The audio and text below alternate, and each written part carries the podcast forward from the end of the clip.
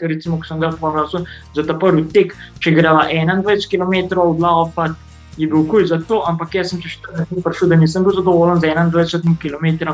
Sem rekel, ne primož, bo 42 km od Laufa. No? Ampak to je bil pač želja, moj maraton je pač prelaufom bil iz željo, z upanjem, pač, da zmorem. Če mi kaj še hoče opisati, da je tam od spredaj pa ena ženska, kako ima lepo postaviti, sem rekel, škaj, zdaj prosto, ampak zdaj le mi pa ta ženska, trenutno ne zanima, je boljša od mene, je boljša, ti jo meni pa je učila pokazati.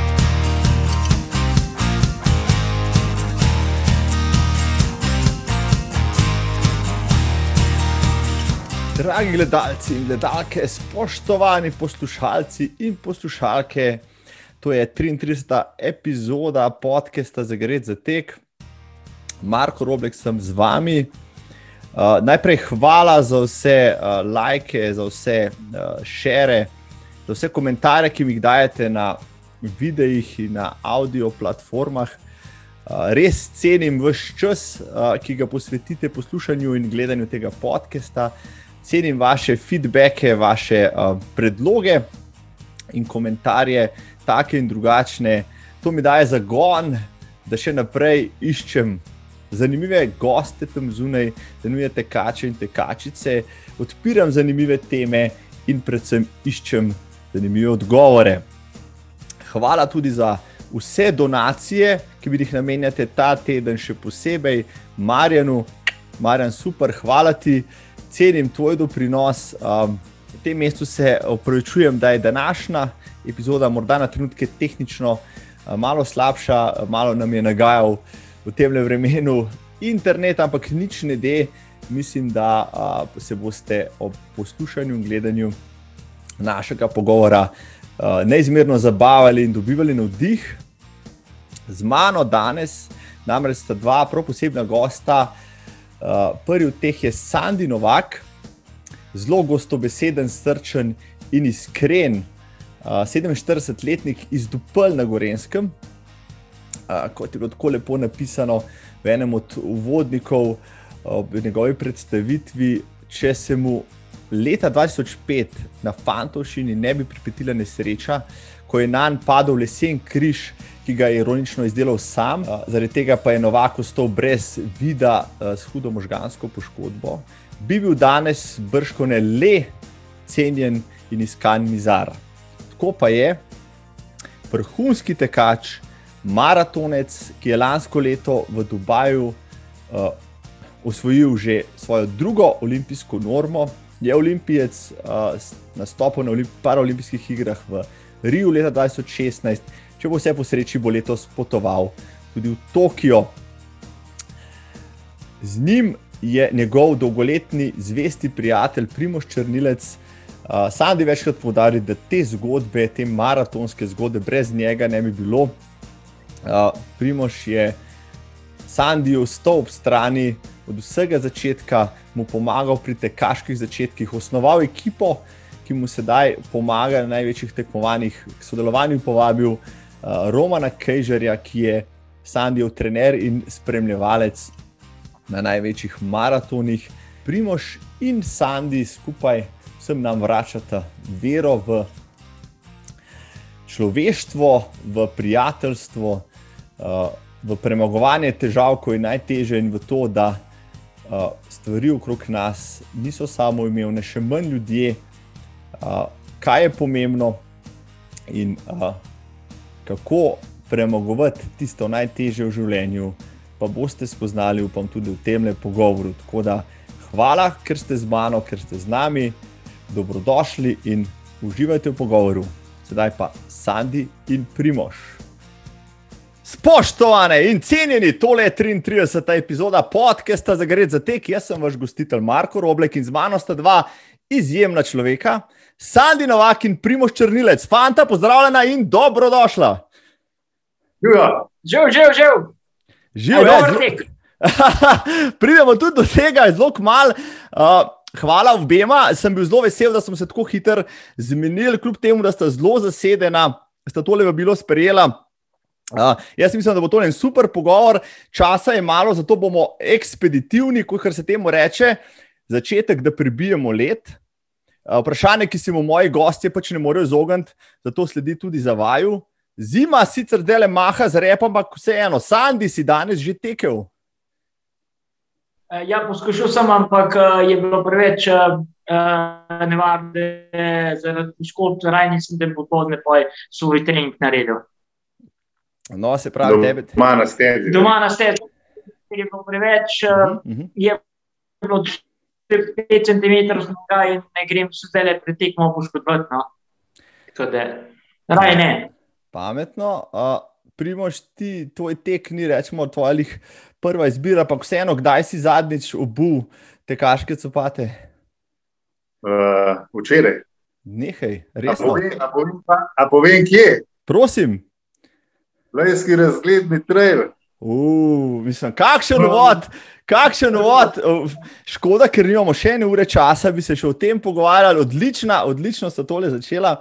Uh, Sandi, koliko kilometrov, zdaj si pač v pripravah na tekme, spet na sezono, koliko kilometrov na teden pretečeš, malo za ilustracijo za naše poslušalce in gledalke? Za ilustracijo bom rekel tam tedensko od 100 do 130 km na teden, recimo to je maratonsko, zdaj pa, ko se pripravljam, ker so mi vsi maratoni letos od januarja pa zdaj do marca vsi odpadali, sem se še, še prštival.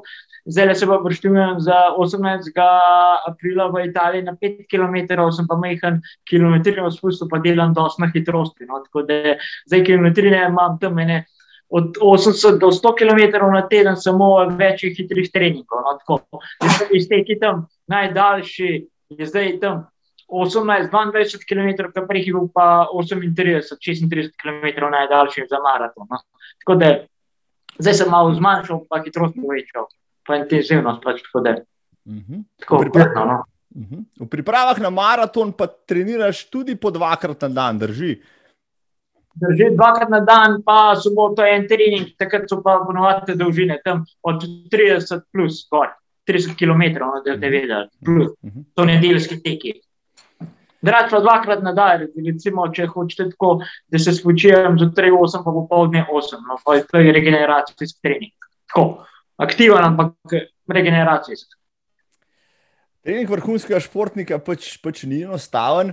Mi se poznamo že kakšno desetletje, ko smo sreč, se srečevali v Kranju na bazenu, uh, vidva sta trenirala na, na stadionu, jaz sem bil tam trgovinci. No, ampak uh, marsikdo imam še pozna- tvoje Super.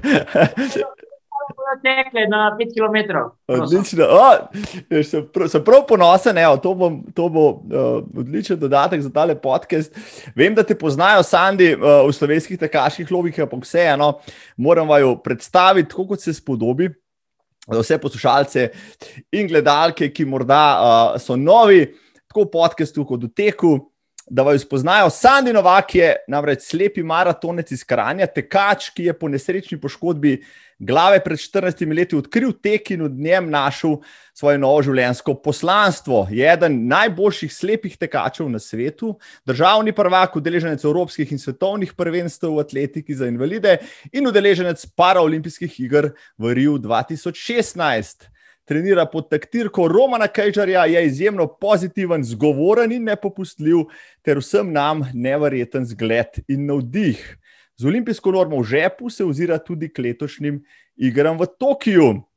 In še na njegovi levi strani, na naši desni, Primoš Črnilec, Sandijo, dolgoletni in zvesti prijatelj in spremljevalec ter vodja njegove ekipe na največjih tekmovanjih, sicer profesor športne vzgoje Šenčurja, med drugim tudi eden glavnih pri projektu digitalnega športnega vzgojnega kartona na osnovnih šolah, vodja planinskih krožkov, organizator tekmovanj ter od nedavna tudi predsednik planinskega društva Kran. Gospoda, prosim, dopolnite me, kaj sem še pozabil. Drugače, ne, če din moj rekord na maratonski razdalji je 2 ure, pa 39 minut, pa 57 sekund. No, zdaj le je kdo padel z stola, če tole uh, posluša, pa sedi. Tako da bom pred, uh, pred tem vse opozoril, da gre raje teč, ker 2,39,57 je vrhunski rezultat, ki ga bomo mehen kasneje razdelali. Ampak dajmo se vseeno osredotočiti na to, kako je Sandi Novak uh, vstopil v tekaški svet. V bistvu temu je potrovala ena nesreča 15 let nazaj. Uh, Ja. 2005, ja, tako je. Ja. Ne, uh, ja, 2005, tako je, 4. septembra. Mhm. Takrat se ti je življenje dobesedno Je. postavilo na glavo, iz, od rekel, mizarja, ki je v prostem času nabijal nogomet, si uh, čez noč uh, pristal, bom rekel, v bolnišnici v komi. Ja, čez noč sem izgubil življenje, ne bom rekel. Pa sem šel v komo, v umetno komo, sem ne dal 14-15 dni, pa ko sem se pa iz komi zbudil, pa nisem vedel, nekje sem kaj z mano, da ne vidim, nič nisem vedel. V bistvu. Sem bil, ka, ne vem, uglen otrok, nisem znal nič, no. ne spomina, nič nisem no, nekako lik. Govoriti sem znal samo vem, na razburjena hitrost, na živčnost. Ne vem, no, pač, če sam se, to mi je najbolj opisal, takrat 14 dni brd, ki je bil takrat v bistvu čim, bolj, čim več parmenno. V bistvu življenje začel na novo. Rehabilitacija je dolgo trajala, pač pa, pa nekako, ne vem, bom rekel. Sem se ta v center korak vključil, pa na društvo slepih in slovnih, pa smo pa eno pot najdel v tek.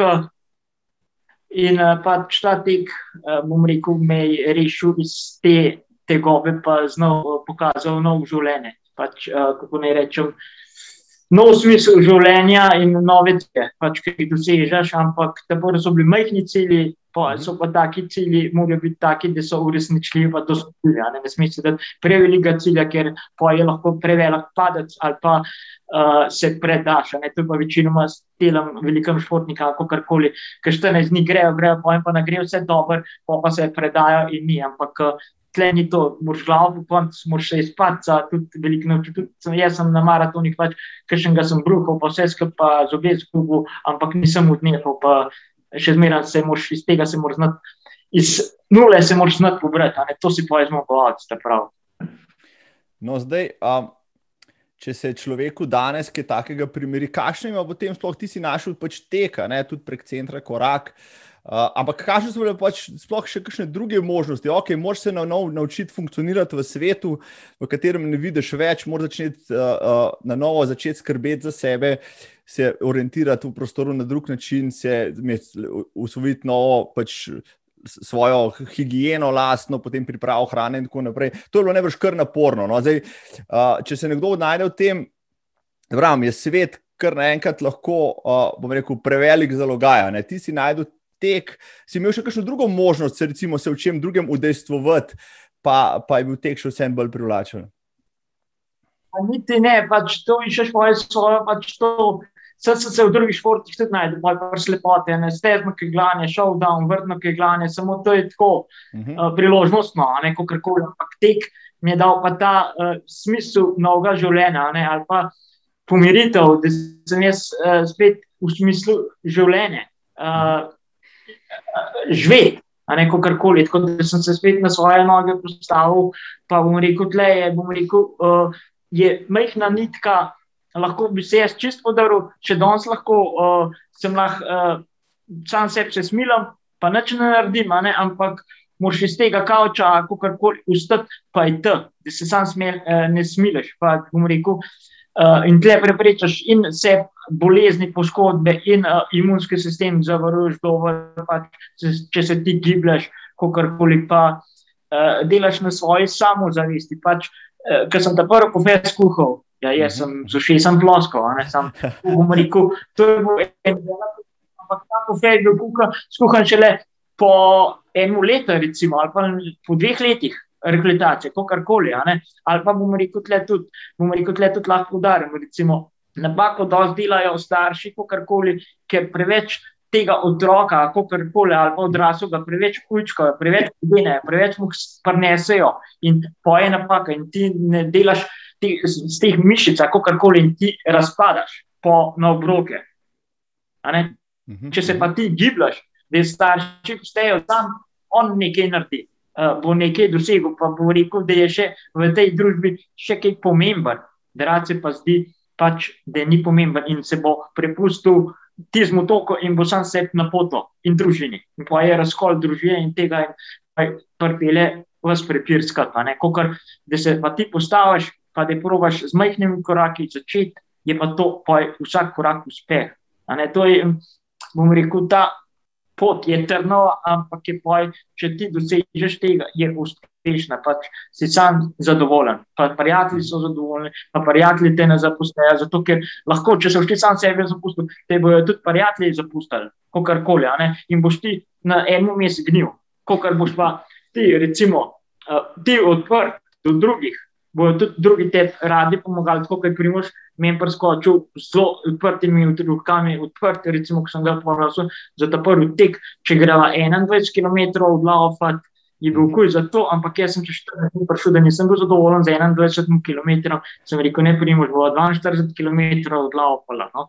ampak to je bil pač želja, moj maraton je pač prelaufen bil iz željo, z upanjem, pač, da zmorem še nekaj. Pač, takrat sem treniral, morda na 14 dni po 20 km, da sem kažem ga dolgo, ampak maraton sem pa odpal, 4 ure pa 7 minut, pa mislim, da je bo še 30 sekund, ampak to je zmagala moja. Volja pa primož, pa prijateljstvo, kako koli, no, da še nekaj zmorem, da, da lahko gremo.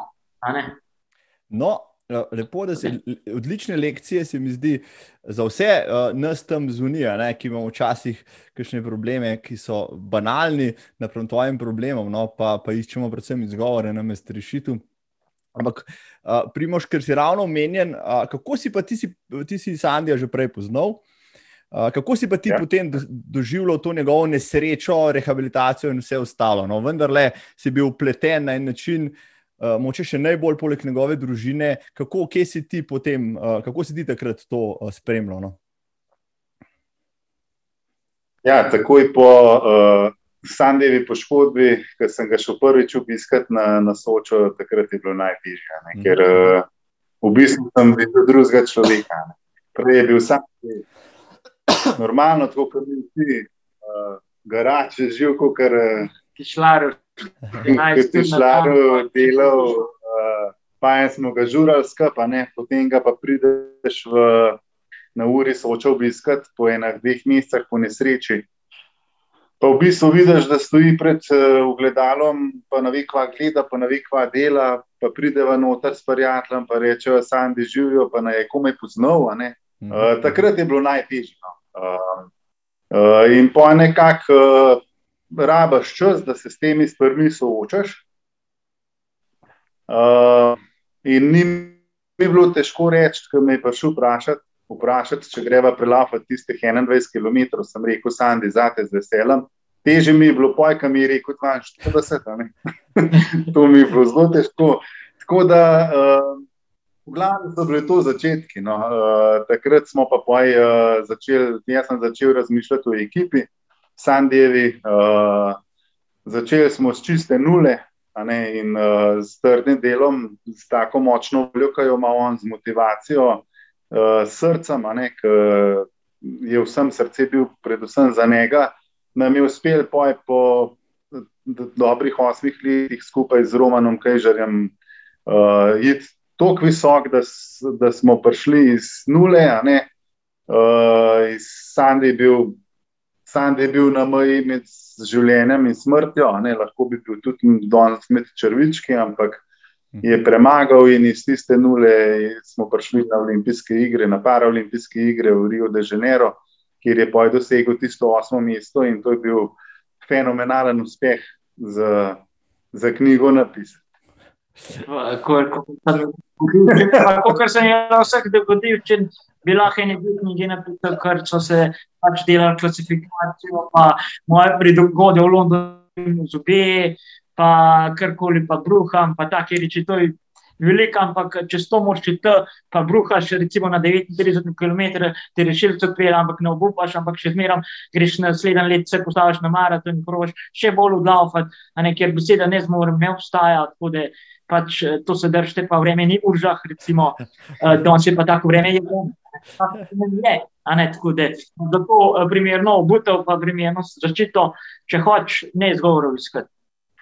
No, v glavnem, mhm. če želijo pa voljo pomagati ljudem, pa prijateljem v stiski, je to uh, največje in najboljše plačilo v življenju. Noben denar ni tako reden, uh, kot uh, nekomu pomagati, Bravo. se vrniti na, na ta pravo pot. Vrhunsko.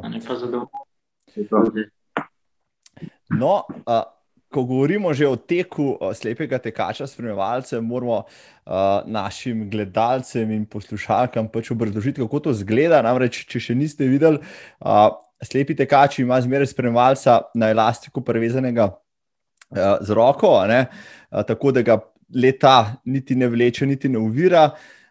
Hkrati pa spremljevalec igra ključno vlogo pri navigaciji dotičnega slepega tekača, ker mu mora z, rekel, z opisom proge pred njim, z vsemi uvinki, z vsemi nevarnostmi, z vsemi krčevalnicami in vse ostalo opisati. Dej, Sandy, malo mi razloži, uh, kako to zgleda, kaj je pri tebi najbolj pomembno. Uh, ko imaš spremljalca v sebi, ne, da te, rekel, najbolj, najbrž, da te navigira, da te tudi spodbuja, kaj, kaj so tiste lastnosti, ki jih mora dejansko ta človek imeti, da, da je lahko potem dejansko spremljalec. Slepemu tekaču. Če, recimo, če gremo na tekmo, pa da je čas lovijo, kakorkoli. Je fajn, če mi vsak kilometer, kakorkoli pove, koliko uh -huh. v kakšnem času sva. Recimo to, ne, pač, da jaz vem, moram hitrejša, počasnejša. Pa mi mora, recimo, brez kakšnega koli upozarjanja, pelati mem, recimo, ne mi reči, razpoke v asfaltu, a karkoli mi mora pelati, lepo mem tega. Zato, uh -huh. čim manj informacij, da kot dokument, razpoke asfaltu, si bom jaz enostavno avtomatsko zakrčil in bom jaz tekel po jajčki. Po jajcih, no, po domače povedano, in bom zgubil, in bom trd, in bom zgubil pa 10 sekund, recimo, kako koli, isto čez makadam, da ne morem. Pa mi mora v bistvu upozarjati vse ležeče policaje, pa da je recimo če 10 metrov zavila levo, desno, karkoli, pa zdaj le nasprotje, ta ta bo tega v tem stran prihtela. Vse informacije, bom rekel, mi more 20, 20 metrov preh povedati, zato da se jaz avtomatsko z glavo prštim, aha, čez 20 minut bom šel desno, a nekaj svoje, boj, klik, tik, preden zavijeva, Uh, mi pa reče desno, čez pet metrov, ne, pa desno, kako koli. Drugač pa najbolj, da smo skozi tega jaz čutim na elastiki in da čim manj govoriš med tekom, ker čim manj da zgubljaš energijo, kako koli. Tako da to je važno, pa da motivira, pač me piše, da mi kaj še hoče opisati, da je tam od spredje pa ena ženska, kako ima lepo postaviti, sem rekel, škaj, prosto, ampak zdaj mi pa ta le ženska trenutno ne zanima, je boljša od mene, je boljša, ti jo meni pa je učila pokazati, kako je bilo, mi je slah, kaj, kar, ne, mi piše, ja, ta, jo, kako je, kašna postaviti, ja, res se trenutno ne zanima, kašna je, ti, da jo mi da, sem rekel, ne, s tem umenaš, motiviral, jaz sem že zmagan, če je boljša, je boljša. Ja, pa recimo štart je tudi zelo pomemben, da štartam med prvimi. Zato, da on, drugi, kjer so hitrejši od mene, da me oni prihitijo, ne jaz, ker jaz tam pač zgubljam. Bom rekel, tle, bom rekel Berlin ali pa to, ali pa Dubaj, pa London, imam to prednost, pač, ker smo elita, da je za elito štartamo, kakorkoli. Zato se jih ni veliko, ki me še prihitijo, ampak kadar grem pa kakšen tak lahkoten tek, takrat je pa fajna debata se razvije. Takrat imam pa cajt, pa jaz mutam govor, pa malo gor, pa dol, pa debato, pa kakšno cifro se zapoln, če da kakšno telefonsko, kako kar koli. Na, na čas je pa čim bolj fokusiran na ura, pa kafurma, pejmo, a ne, da je v čim bolj jih učila. Pač, to je tekmovalnost, pač, če pa re, ne, je razlika med eh, tekmovalnostjo in rekreacijo, neko karkoli. Ne. Če stečem za rekreacijo, tečem tisti pet minut na kilometr, ne, se lahko pogovarjam, debata, gor, dol. Ne, če pa hitri, pa malo hitrejši, pa je 45 km. To je pomemben. Vse informacije, kar se dogaja na, uh, na stezi. Mhm. No, um, da zdaj čist malo osvetlimo še tvojo pot. Pred letom 2016, zdaj nekako v očeh, rekel te kaške slovenske javnosti, si bil že zelo prisoten. Zelo malo po začetku, treh, štirih letih si prišel od nekega rekreativca, ti si rekel, dobre štiri ure maraton, 2012 si v Ljubljani že tekel krepko pod uh, tremi urami, začel si že zbirati norme za svetovna, evropska prvenstva, bil si potem naslednje leto uh, že na svetovnem prvenstvu, v maratonu, bil si na Evropskem prvenstvu, na stezi in tako naprej. V Lyonu, na svetovnem prvenstvu. Uh -huh. Lyon, ja, Lyon je bil prvi. Ja, Tako. Ekipi se je takrat pridružil že Roman Kežar, potem tvoj napredek je bil takrat naprej silovit. Uh, kaj je on recimo spremenil v pristopu k treningu? Uh, uh, ali je bila to količina, kvaliteta, ali je bil to drug fokus? Tako da bom rekel, uh, količinsko kilometrov je več, ne. Uh -huh. Karkoli, tako da en sistem, uh, kako ne rečem, predelan uh, sistemsko, pač, da formo stopnjuješ do maratona, kakorkoli, ali pa do te tekme. Pač, to, to pa to moraš oteči, pa recimo v tem času regeneracija to pa to, tako da pač spoznavaš. Aha, da sem to maksimalno naredil, tudi če se nisem spustil do tiste časa, kot je napisan, ampak sem naredil po svojih najboljših močeh. Ali pa sem šel bolj, ampak zakaj še bolj? To se moraš povedati, sam sebe sprašuješ, ali pa sam sebe pozvati recimo, če sem se jih pozval, boš vedel, da boš ti zbolel ali pa da boš ti trening naredil težje. To se moraš svoj sam sebe malo prvo testirati, kaj te odgovarja. Ker sam trener, bom rekel, veliko ve. Samo če ti sebe ne boš poslušal, lahko greš pa čez ali pa karkoli. Dobro formulo pač, ali pa karkoli s svojimi izkušnjami, pa z rezultatom, pač, da smo pretekli normo za uh, Rio.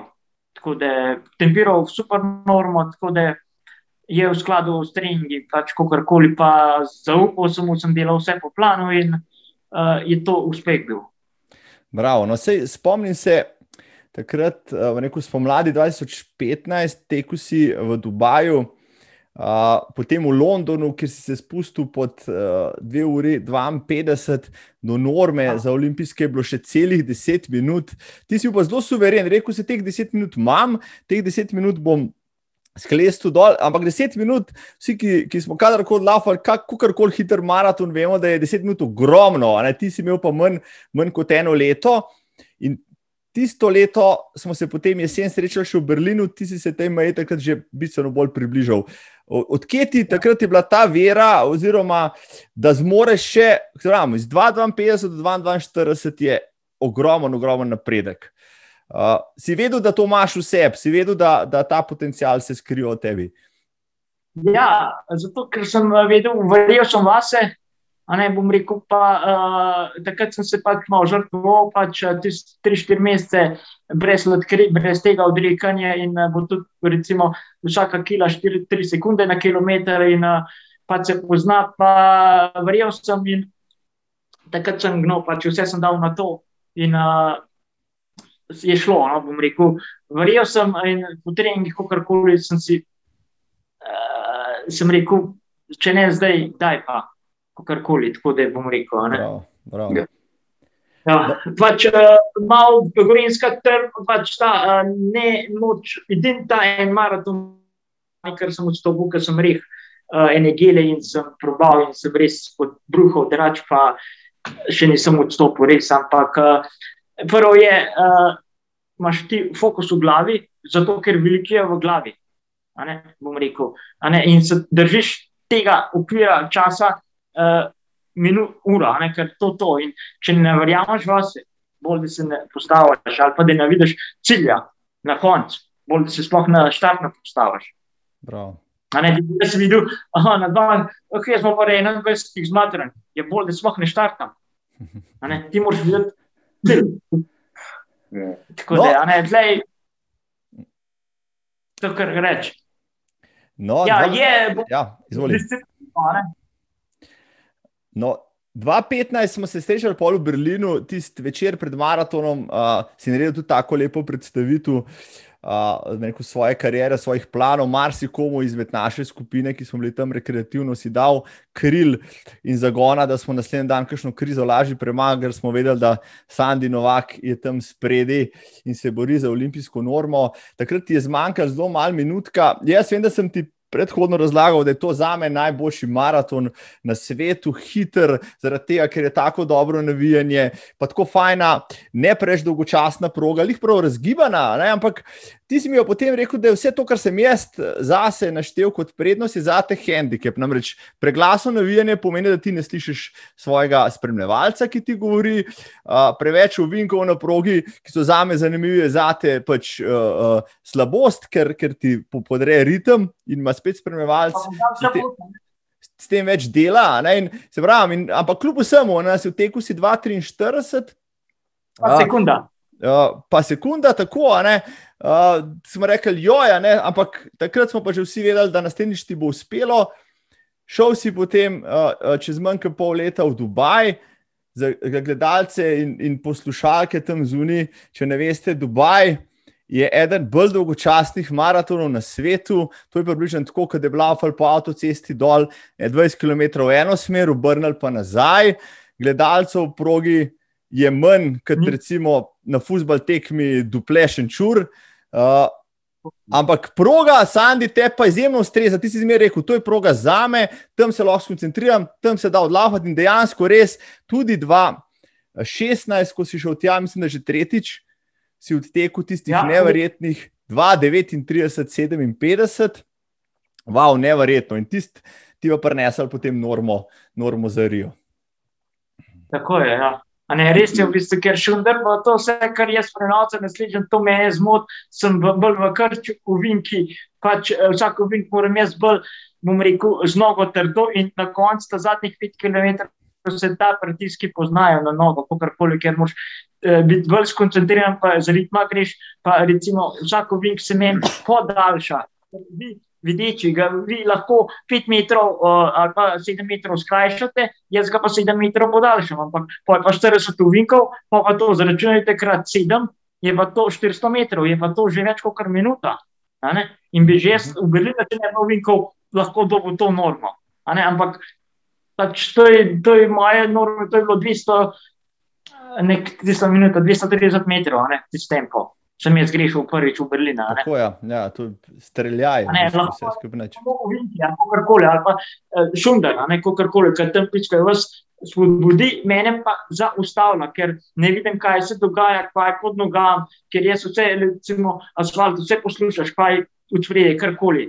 Uh, a so razpo, vse čutiš, pač na drug, drug pogled imaš, ne kakorkoli. Sploh v tunelu. ne. Ja, ali pa uh, tunel, še- govorim, karkoli. Te, ne, pač čisto neznano, kakorkoli, ali pa Še hujše. še hujš, hundar. Edin zadnjih 100 metrov, ki je ravnina, ok, takrat smo že crknem, pa se že, še tisti dan, mora biti takrat, ki je že pred cilom, ne. Tam nek na sred, pa sam zgubljaš energijo, k, kam se rekel Roman, kam, pa če še, a veš, tam tam in boj, tam grejo sekunde, ki jih loviš. Tako da, No, no. A, si predstavljam, no, zdaj 2,99, 57 je vrhunski rezultat, eh, zdaj to, pol- to je že polovička pod uro 20. Ne. Predstavljam si zdaj, oziroma vsi vemo, da v Sloveniji je zelo malo tekačev, ki sami lahko to odlaufajo, kaj šele, a ne, da bi koga ob tem spremljali, pa navigirali. Uh, zdaj, poleg Romana, se je ob tebi zvrstili že kar nekaj tekačev. Eni pač so šli, uh, ker so bili začetka s tabo, eni tudi pač niso več držali tega tempa. Koliko tekačev je zdaj že teklo ob tebi v vseh teh letih? v teh letih, recimo, zdaj ti nam točem rekom, pa Sklenina. Ja, s Klemena Tegarjem sem začel. Mhm. On je takrat prvi maraton s Primožem odlaufal, to je bilo 2-8, pač Ljubljanskega, ko smo ga prvič odlaufali. Klemen je začel, Primož je z mano dokončal, ga pa je vsi trije smo dokončali ga. Uh, pa je bil pa še Luka Mihelič, je bil Uh -huh. pa, uh, pa tale uh, Božič, uh, Že? že, Uh -huh. Uh -huh. ne Božič, ja, Uh -huh. uh, pa, uh, pa, čaki, pa Domen Hafner je bil, samo on ni nobenega z mano tekel. Uh, Pa že Roman. prišel. pa, pa Roman Aha. je bil, Roman, Roman pa, uh, pa tale je bil tudi, uh, uh, da mi pomaga, London, uh, Kosmač, tu ne Kosmač. Aha, to ne Ja. tudi, ja, ok. In svetovno prvenstvo je laufal v Londonu z mano. Uh, pa, Kosmač, ta, ja. pa dom, pa Martin, Pa Martin. Martin, uh, kako se Uh? Martin, Martin, uh, zdaj se spomnim. Pa ta, ki je bil, ki je bil z nami v uh, Riju. Ja, urbani Rio. rep, urbani rep. Ja, je bil.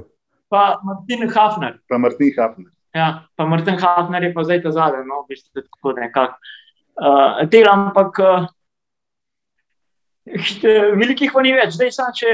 Pač, eh, da so dosti hitri, ker mora biti moj sodelavec 10-20% raje, da je boljši od mene, ne kako koli. Ker on mora zaradi mene laufati lahkotno, sproščujoč, on ne sme pomisliti, da je mu kaj hudo. A ne kakorkoli. Tako da jih ni veliko v Sloveniji, no, tako bom rekel. Tak cajt lahko, pač takih je nekaj, ampak da so še boljši, jih je pa, bom rekel, vsaj na dovolj maratona, 15, mogoče, no, 20. Bom rekel, nam počenijo, ampak ne vem, kakorkoli. Tako da. No, no, se, uh, de, si, tako, tako. Ker ena, ena 15 odlaufa od polovičko, pa hkrati se vram, potem dokaj suvereno še nekoga spremljati. Si predstavljam, poznam kar nekaj tekačev, ki so to sposobni, ampak verjamem, da tudi ni vsak uh, za to, da bi spremljal nekega tekača, ker ima že ne. sam sabo to za upravljati. Ja, pa tudi ni, recimo, jaz moram tekača zaupati. Tudi ni vsak, uh, da je samo zdaj pa ti me spremljaj. Pač v redu, sem, uh, moram jaz zaupati. Ti, ti moraš imeti človeka, ki ga poznaš. Ne, ne, ne. Ampak če moj sotekač odpove, jaz nimam nobenega. Jaz sem lahko en top prštiman, bom rekel, maraton za 2 ure 30, 2 ure pa bo, ampak če moj sotekač ni za to, ali pa da on odpove, da mu gre njemu, še kaj poškoduje, sem jaz enostavno brez rezultata. Pač to se moraš v zakup vzeti, ker je to ekipa. Ne? Ampak bom rekel, da tudi uh, recimo lanske tudi Dubaja sem odgovoren za lavo, ker sem to malo zatopil z lavo, ampak kako sem jaz lavo, recimo, tako bom rekel po domači, da sem po dva dni krval, uh, srl.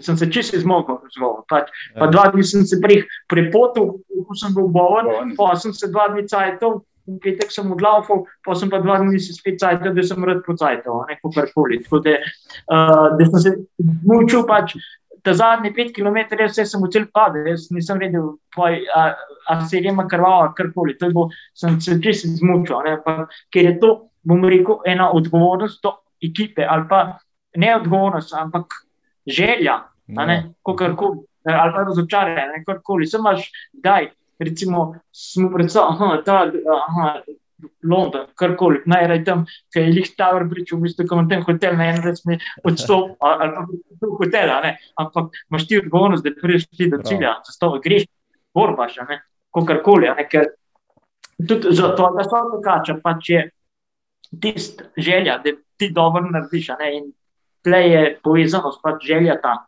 karkoli, pa rekel, psiho, psiha, pač mora biti želja in glava na mestu.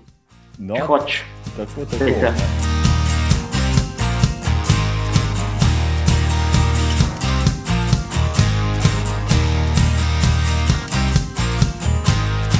To je mogoče še najboljši primer tega, kako je tek lahko tudi, rekel, ne samo individualni šport, ampak ekipni. To se pri vas, v vaši ekipi, prav gotovo kaže ali pa pri slepih tekačih, nasplošno in spremljalcih, vsi vlagajo v to, v dosežek enega. No, in če smo že pri tem, Rio 2016, vroče je bilo, kot pes, ampak. Ja.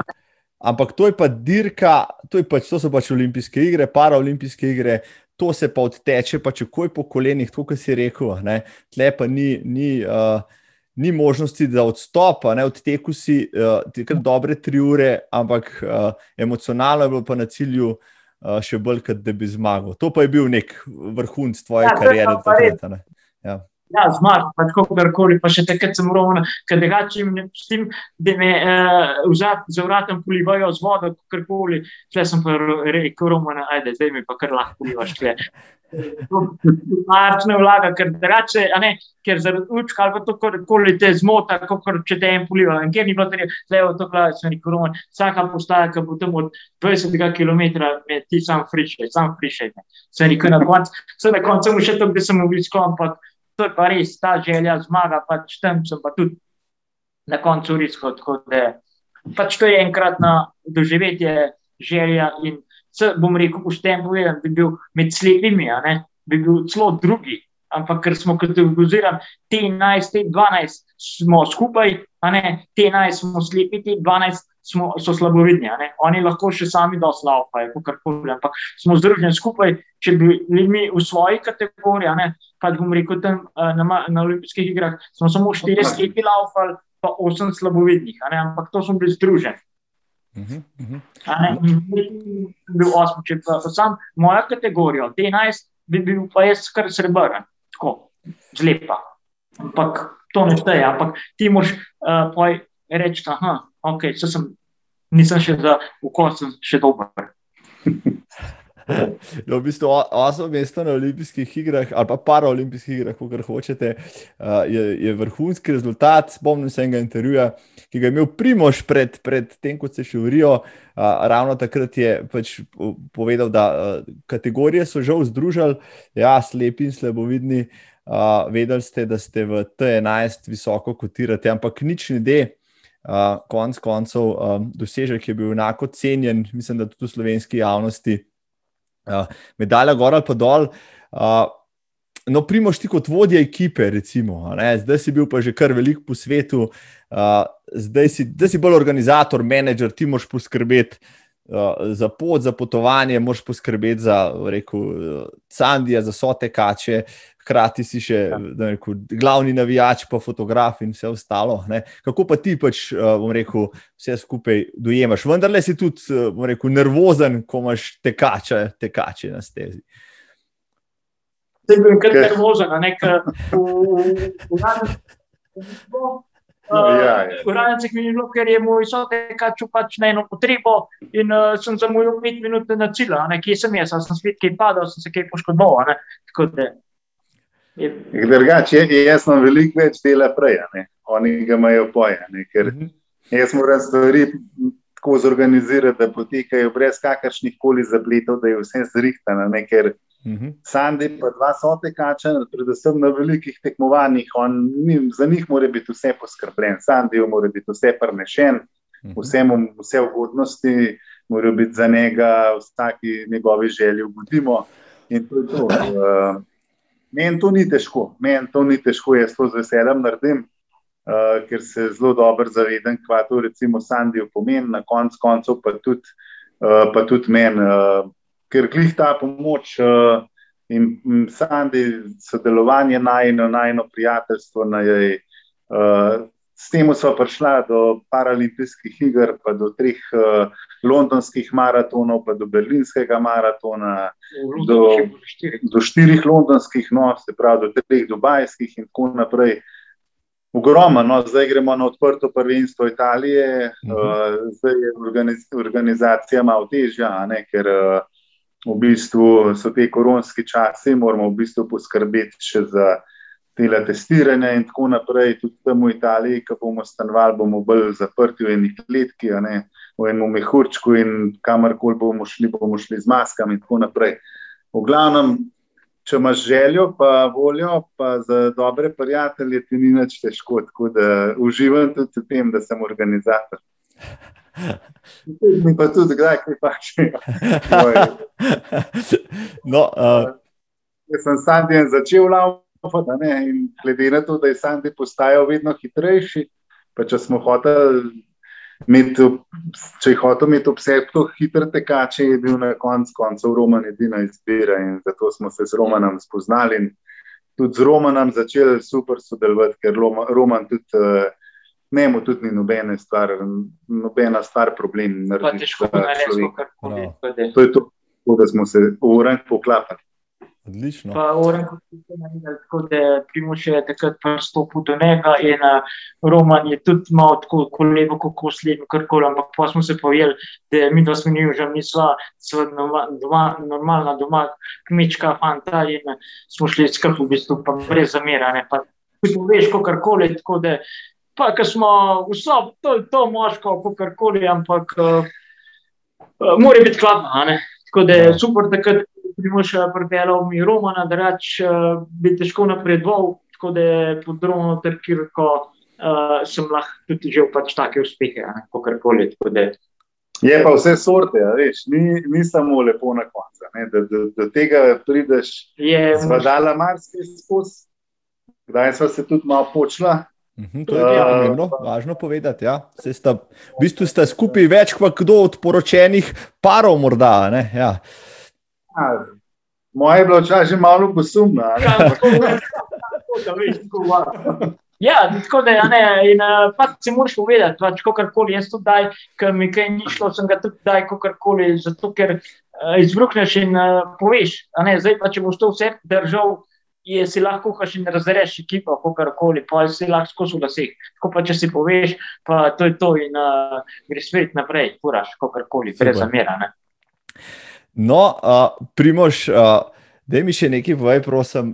Ja, rekel si, prepočasen si za Sandijo na, na tekaški stezi, na maratonih, ampak še, še vedno. Ne? Uh, pa najdeš še neziv, ker si sestavni del njegovih športnih podvigov, med drugim uh, si ga peljal na tri glav, drži. Ja, drži. In to je cela ekipa, jaz sem gledal tisti dokumentarni filmček, super stvar. Cela ekipa ja. vas je bila, več uh, slepih uh, je šlo takrat gor. Ka, kakšen, kaj bo to za en, za en podvig? Ja, to je bila pa tudi ena, ena Sandijeva želja, pa želja še dveh drugih uh, slepih oseb. Uh -huh. uh, tako da uh, enkrat, ko je ideja dozorela, uh, sem jaz tudi to stvar uh, speljal do konca, jo zorganiziral. Um, glede na to, da sem na planinskem društvu Kran, uh, imam tudi uh, na tem področju ob sebi zelo fajn ljudi in sposobne. Uh, tako da smo takrat v bistvu v ekipo povabili uh, Štremfle, uh, Andreja Štremfla, Marijo Štremfl, uh, Markota Štremfla, gorske reševalce, kranske in še ostale alpiniste. Uh, tako da za vsako, za vsako slepo osebo sta bila na voljo dva, en spremljevalec, pa en gorski vodnik. In v bistvu nam je uspel jih pripeljati do Aljaževega stolpa v 13 urah, ampak ko so se pa tega stolpa dotaknili, je pa, pa spet bile take emocije, soze ja. in neki uh, sreče, da v bistvu se teh občutkov sploh ne da popisati. In to je največja nagrada. To je, to je spraven, da plačila v življenju so različna, ni vse v denarju, ampak 100% je pa pomoč nekomu, pa delač uh, največje bogatstvo, ki ga lahko dobiš. Uh, pa vedno se ti vrne. No? Vedno je taka pomoč, ti vedno se ti vrne, če ne, ti pa je na kakšen drug način. No? Tako da je bil pa tudi povod, uh, da smo na planinskem društvu v Kranju ustanovili odsek za osebe s posebnimi potrebami, uh, katerega član je tudi zdaj Sandy Novak. Mhm. Imamo malo smole, ker pač ta te korona časi in nikamor ne moramo hoditi, ampak bomo začeli tudi v bistvu te osebe uh, voziti malo po hribih uh, in z njimi sodelovati in jim nekako pomagati v njihovem življenju, da je bolj lepše in boljše. Pa še kakšne nove podvige se mu najde. Še kakšno novo, to sam ti spoznal ja, zraven. Ki je v hribih, kaj tam je dovolj na teoriji. Na teoriji je dovolj. Tako da je redo, tako da je še redo. Pa še draka je gor, tako da je. No. Primož, kot, kot, kot sveži predsednik Planinskega društva, kraj enega večjih planinskih društv v Sloveniji, se slišim, da si zagreti, imaš izjemne plane, hočeš tudi odseke bolj povezati, tudi ljudi bolj angažirati, kar je uh, fantastično, se mi zdi. Ampak poleg tega, ne, ti si pač v življenju počneš več stvari, med drugim sem že prej omenil, si profesor športne vzgoje na osnovni šoli v Šenčurju. Ja ti si bil tisti, ki je, ki je takrat dal povod in bil vodja projekta za digitalizacijo uh, tega športno-zgojnega kartona. To, ta, ta aplikacija se še, še vedno uporablja in je aktualna, drži? Ja, ja, ta aplikacija se uporablja od takrat, v bistvu pri nas na šoli zdaj že deset, deseto leto. Um, nam pa daje kar pomembne podatke za, o razvoju uh, naših otrok in uh, mladine, predvsem pa na podlagi športno-zvojnega kartona, predvsem v zadnjem času, vidimo, kako različni ukrepi in različne situacije na svetu negativno vplivajo na razvoj in uh, zdravje mladih ljudi, predvsem otrok. Mhm. Ker je pa pomembno, predvsem za kasnejše življenje, kasnej, kas, kasnejše življenjsko obdobje. Tako da uh, Športno-vzgojni karton, ki se v Sloveniji izvaja že dobrih 30 let, uh, nam kar veliko pomaga. Uh, v zadnjem času tudi mogoče druge ljudi v zdravstvu in drugim politiki dajo poudarek in verjamejo in sprašujejo za te podatke in se na podlagi teh podatkov mogoče včasih tudi kakšne stvari odločajo in ukrepajo. Uh, no, skoraj vsega svojega gosta povprašam, ravno o tej temi, no, ki je eno leto že zelo aktualna, namreč vpliv pandemije, predvsem na gibalne sposobnosti otrok. Uh, Marsikdo mi reče, in tudi jaz sem eden tistih, ki menim, da imamo tukaj starši zdaj veliko odgovornosti in tudi nalogo ne, v tem času, da naredimo več, kot smo morda prej. Zdaj pač ni organiziranih oblik, bom rekel, ne vadbe, ne, ne športnih aktivnosti in tako naprej. Tukaj je tudi na nas, da morda se bolj aktiviramo. Jaz, recimo, ne, če rečemo tako, poskušamo otroke čim večkrat spraviti ven, jih navižati v hribe, v gost in tako naprej. Ni vedno enostavno, Ampak kakšen nasvet bi pa ti dal staršem? Ne? Ti si ne samo učitelj, si tudi športni, pa hribovski pedagog, ne? si bil načelnik mladinskega odseka, si mentor rekel, planinskih krožkov, uh, bil si rekel, organizator uh, teh tekmovanj, mladi, mladi in gore in tako naprej. Kako in kaj narediti, kako spodbuditi otroke, kje, uh, kako jim, kako jim ucepiti, mogoče zdaj le zdaj je res čas, ne, ko je ta stvar moče še bolj pomembna, kot je bila v prejšnjih časih. Ja, uh, vzgoja je, je kar zahtevne, zahtevno delo. Predvsem najtežje je ravno doma. Uh, in uh, predvsem gibanje, um, otroka spodbuditi k gibanju, uh, je veliko krat težka naloga. Ne. Jaz se zavedam, da najpomembnejša stvar uh, pri vzgoji za zdravje, uh, dobro počutje, kondicijo, uh, smo naj, uh, največji vzor otrokom, starši sami mhm. in zraven tudi učitelji. Tako da jaz mislim, da se morajo starši predvsem zavedati. Da, če otroka peljejo na pol urni sprehod, eno urni sprehod, da ne naredijo nekaj dobrega samo za otroka, da naredijo nekaj dobrega tudi za sebe in za celo družino. Uh, glede na, na to, uh, da smo delali nadaljavo, je bila naloga učiteljev kar zelo zahtevna. Um, Meni se na naši šoli smo predvsem otroke spodbujali gibanju, uh, jim dajali različne naloge, izzive in tako naprej. Predvsem smo jim pa zaupali, da te stvari tudi počnejo. Uh, skupaj smo se na naši šoli učili, da športni pedagogi videokonferenc uh, ne bomo prepogosto delali, ker uh, že tako ali tako preveč sedijo za računalnikom in telefonom. In vsaj takrat, ko imajo na urniku uro športne vzgoje, naj gredo ven. Uh, mislim, da nam je to tudi zelo dobro uspelo. Smo bili tudi nagrajeni strani Ministrstva za šolstvo uh, kot najbolj športna šola. Um, pri delu nadaljavo. Um, tako da uh, gre, gre, gre na zaupanje, pa na zaupanje, vzor, uh, spodbujanje, motivacija. V bistvu to je najbolj pomembna stvar. Uh, in uh, da zdaj, ko smo prišli nazaj uh, po tolkem času, da smo mi tudi otrokom znali povedati, v bistvu večkrat in stalno jim govorimo, koliko so sami odgovorni za lastno zdravje, da noben mu zdravja ne more dati, da si ga more v bistvu sam uh, pridobiti z vlastnim delom uh, in vzorom nas, učiteljev in staršev. Starši pač ne smejo otroke preveč v vato zavijati, pač dajte jih v narav, pa ne bojo umazani, karkoli se strojo pere. Včasih se to na roko pravi, zdaj pa pravi vržeš vaju hrana, ne pa ne umazan pride, pa ne kve malo zemlje, ali karkoli. To je za imun sistem dober, ne pa jih zavijati, ne boš pa umazan, ne vložo stopati, pa da je vložo stopati. Tako da take reči pa ne se zjagajo, karkoli. Tako da bom rekel, samo svobodo dajte otrokom, pa se oni gibajo. V glavnem, Zdaj smo ugotovili v teh korona časih, da je delo uh, v šoli izredno pomembno in da šola ne more biti nadaljavo. Predvsem, kar se gibanja tiče športa, da je za veliko otrok to edino gibanje v celem tednu, uh, šport na osnovni šoli ali pa srednji šoli. Tako da še več ur športa. Še boljše bomo. Otroci, zdravo bomo trpeli. Uh, super, super ste tole povedali, da ste cel kup istočnic, tudi morda še kakšnih kosti za gledati, uh, premislekov za domisliti.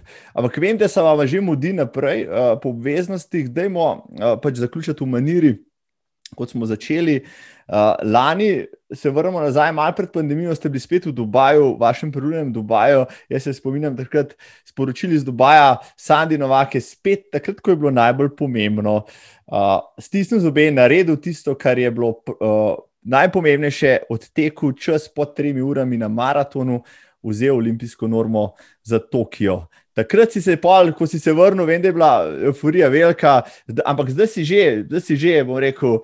Olimpic, to si dal že skozi vseeno, ne? še na stopne olimpijskih je vseeno uh, bil kar, kar rekel, visoko na tvoji letvici dosežkov, ki jih še hočeš usvojiti. Točno tako, boste to še želeli, kakorkoli, bom rekel, tudi moja emša, kakorkoli, res da ima srce mlado, ampak pa vidiš tudi mogoče, ampak tako, pa noge tudi manjka srca, ne. ne.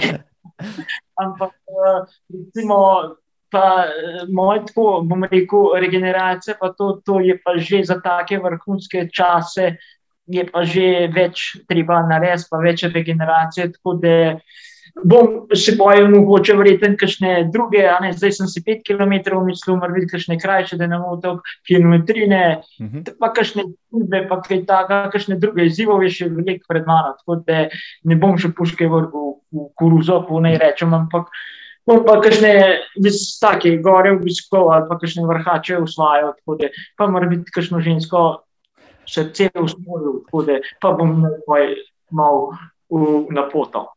Mogoče už potrebno. Ja, mogoče sem pa te kaške, da ne, ker izkušen bom v nekaj, kako le. Da... Ženske reprezentance. Ja, ja tako je bilo. Ne je bilo dobro. Ja. Atletska reprezentanca ja. Slovenije. Slovenije, ženska, Sande in Črnivec. tole, tole vem, vem, da ti je prej uh, Primoš prešepnil, reči zdraven še črnilec, da jim še je še lahko zdraven. Ne, ne, ne, ne, to pa, ne, to pa je sam iz tega. Kakšno drobtinco moš tudi ne opustiti, jaz se strinjam, ja, sej konc koncev. Sej tudi. Veš, kaj ne opustiti, ne. Ker je pa šlatana, pa je tudi.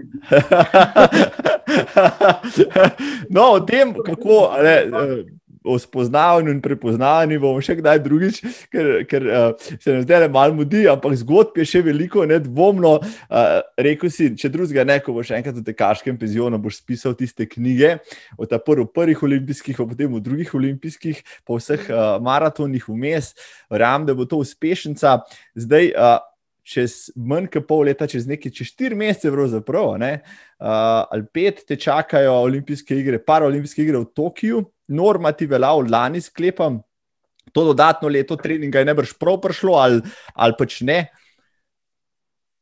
Ja, te, uh, te paraolimpijske igre, to zaenkrat uh, situacija še ni čisto potrjena. Zdaj, uh, uh, Sandi ima normo, normo ima tudi še en atlet. Uh, zdaj, uh, Slovenija mora še dobiti kvoto, ko se zaključi obdobje za doseganje norm. Uh, ko se to obdobje zaključi, v bistvu pa stopijo ti um, na mednarodnem paraolimpijskem komiteju, uh, komisijo za vrhunski šport in uh, dodelijo vsem državam po svetu kvote. Zdaj, če Slovenija, Slovenija je za paraolimpijske igre Rio de Janeiro dobila eno moško kvoto za atletiko. In že takrat so na to pa pomeni za slovenski paralimpijski komitej uh, kar eno tako zahtevno nalogo, ker morajo pa potem oni, oziroma naša komisija za vrhunski šport, od teh dveh bo šel. Ne. Takrat je zmagal Sandi, uh, takrat so izbrali Sandija, zdaj smo pa letos pa tudi še pred to odločitvijo, tako da ni nujno, da Sandi gre. Je pa kandidat za paraolimpijske igre. Ampak, ja, govorimo pač, o kandidatu. Zato, ker uh, naredil sem, kar sem lahko, hotel sem jih tam obrati, ampak ta korona mi je pač vse maratone odnesel. Uh, jaz sem bil zelo skozi v štirih mestih, petih mestih, v skozi pripravljen, da bom še kakšen maraton odlaupil, ker sem hotel ta rezultat tri, eh, malo po trem uram popraviti, da bi bil mogoče malo boljši, ne vem, ran če je svet, kako karkoli. Ampak eh, tega mi ni ta korona dovoljala, da bi ki je lahko teko. Pač, ker jaz eh, ne sem bil vsi povedani, da tisti, ki bi jaz lahko ker si meni šteje rezultat. a ne. No, uh, mi bomo držali pesti, uh, da, da vendarle še enkrat uh, rata pridete v, rekel, v olimpijsko vas. Uh, tokrat na drug konec sveta, na Japonsko, tudi če bo treba srednjo noči vstajati, bomo to spremljali, tisti maraton na vsak način. Uh, če bo, uh, zdaj tale pogovor bil fantastičen, spoštovani spoštovane. Urca je šla tako, ste videli, pa še le, bom rekel, povrhnjo smo malo popraskali od zanimivih zgodb, ki jih imata tako Sandi kot, kot Primož. Um, jaz mislim, da uh, bodo naši poslušalci, naše gledalke in tako naprej, ki tole zdaj poslušajo in tečejo, ne, zaradi tega naredili še kakšen kilometr več, si potem še v miru enkrat priposlušali. Potegnili veliko zanimivo misel, uh, kakšen napotek. Ampak, dajmo za zaključek. Uh, pandemija nas drži že eno leto, zdaj eni smo se že sprijaznili, že prej, eni smo iskali že prej rešitve. Uh, cel kup problemov, vendarle je, uh, življenje nam je nepovratno spremenjeno. Sandi Novak, ti si, rekel, živ primerek tega, kako uh, se pred oviro, ki se ti postavi, pa naj bilo še tako na vides, uh, rekel, nepremagljiva. Ti, si, ti si se odgnojil, preskočil na njej, dobu še dodaten zalet. Dej sem nam in sem poslušalcem in gledalcem tam zunaj. Povej, kaj je rešitev za vse nas, da ne bomo klecnili, rekel, pred uh, izzivi, pred problemi, ki se nam postavljajo na pot, in kako jih pretvoriti praktično v priložnosti in v zagonsko energijo. Je, ko bom rekel, da prvo, uh, bom rekel, prvič. Ne ozirajte se na druge, vi zase poskrbite, da se v tebi dobro umili. Gledajte, ko ima drug, recimo, Fošerit ne vede v njemu, soseda Kravcer, ampak bodite, bom rekel, kako naj rečem, z glavo po konc, pa vsak dan eh, imejte za svoj uspeh, za svojo zmago, vsak dan ali pa za en teden, recimo si dam jaz plan, ta teden bom to pa to delal, je v bistvu cilj tega tedna, ne pa, o, jutri pa spet tak dan težek. Ne, dej si vesel, jutri bom pa to pa to delal, pač dej si vsak dan nagrado, vsak dan se vesel dneva. Ne bom rekel, ne gledaj, tis, jaz ne vem, kaj sem čez tri dni nazaj delal, jaz vem, kaj bom zdaj naprej delal. Recimo, pa dajte se ven iz uh, sebe, ven, kolega, prijatelj, ženi, zaupati, pa boste brez nahrbnika žgel. Uh -huh. Če pa ti nosiš nahrbnik, da ti vse držiš dva dni, veš, da je tri dni eksplodiral in poj pride do prepira, do tistega, karkoli, ven da iz sebe in boš lažje drug dan se pozbudil oh, nov dan, lep dan, spet gremo na naravo, spet gremo danes, pač 8 km za glavo, pa bo spet dobra kavica, to, to pač z majhnimi stvarmi boste zadovoljni. Kakorkoli, to korono pač, pa bomo skupaj z močmi pač preboleli. Samo uh, gibajte se, več v naravi, bolj boste imeli imunski sistem in bolj boste zdravi. Pa naprej hodili doktor. Pač, uh, zdravilo je pač narava, ne pa doktor. Bom rekel tako. No, ta je, ampak za kakšne bolezni, karkoli, ampak za svoje zgodbe, za glavo, pojdite v naravo, ven, uslišite ptičke, pa veselite se vsake minute, pol ure, dneva, dihate, živite, da imate lepo naravo, pojdite ven. Pa prijatelju ne prvošte slabo, da prvati, da je dobro, že mu dobro, ne slabo, ali pa karkoli. To je bistvo. Ne zmorem, samo uh, treba je voljo imeti red premakniti. Pa red premakniti iz kavča ali pa eno vrčo. Super. Kaj še dodati, primoš, mogoče že ti, kakšen stavek ob tem? Že, težko kaj dodam, že sam je vse povedal. Isto, čisto iste misli sem imel v, v naravo, ker korona čas ni slab čas, mogoče je pa glih v tem času lahko veliko dobrega zase narediti treba iti v naravo, treba je pozitivno razmišljati, treba je naprej živeti. Se imamo radi. Ja, pa sebe pozvati, recimo, pa čutiti, kaj ti rabiš, da se rabiš laufati, pa karkoli. Pa vsak si najde pol ure, eno uro na dnevno cajt, pa, pa, pa pol ure manj za računalnikom, ali pa eno uro manj za računalnikom, pa pa je takrat ven, pa se zjage, pa že dolgo boš ti bolj zadovoljen. Pa bom rekel, partner, karkoli, boš ti bolj aktiven med rjuhom, kjerkoli. Ali pa boš imel več kondicije. Ne, ne pomoči, ne karkoli, ampak zadovoljstvo, nasmeh, To je, uh, Vsak spet ne preveč, ne Pa ne. zmat. ja, ne, uf, materim pa za ženske konec. kakšen, kakšen fantastičen zaključek. Bo rekel Sandy Novak, primoš trnilec. Jaz se vam zahvaljujem za vajen čas, za vajno energijo, za tale res zabaven pogovor, res super je bilo. Vrhunsko, hvala še enkrat, hvala. Enako, Hvala, za, enako, enako za povabilo. Hvala za povabilo, pa upam, da sem bil. Jaz sem bil čisto iskren, tako da upam, da jo poslušalci se vsaj 10% morda tega držali, bo že velik uspeh. Da v en, dva, tri mehani skavča premaknil, bo to velik narejenega. Jaz mislim, da smo veliko naredili s tem pogovorom. Uh, Sandy in Primoš navijamo naslednji vikend, seveda za uh, vajen nastop. Za Sandijev nastop v Italiji, pa tudi seveda za vse nadaljne dirke, na koncu konca za Tokio. Jaz samo želim uspešno nadaljevanje rekel, tega leta karijere, ostanta, rekel, tako zagreta za tek in za življenje. Spoštovani in spoštovane, to je bila 33. epizoda. Z, mani, z mano sta bila Sandy Novak in Primoš Črnilec, maham jim v hran, srečno in se postavljam. Čau, lepo se majta. Čau! Hvala vsem za pozornost. Nasvidenje. In- Nasvidenje, pa lepo se majte, pa športajte. Čau! Čau.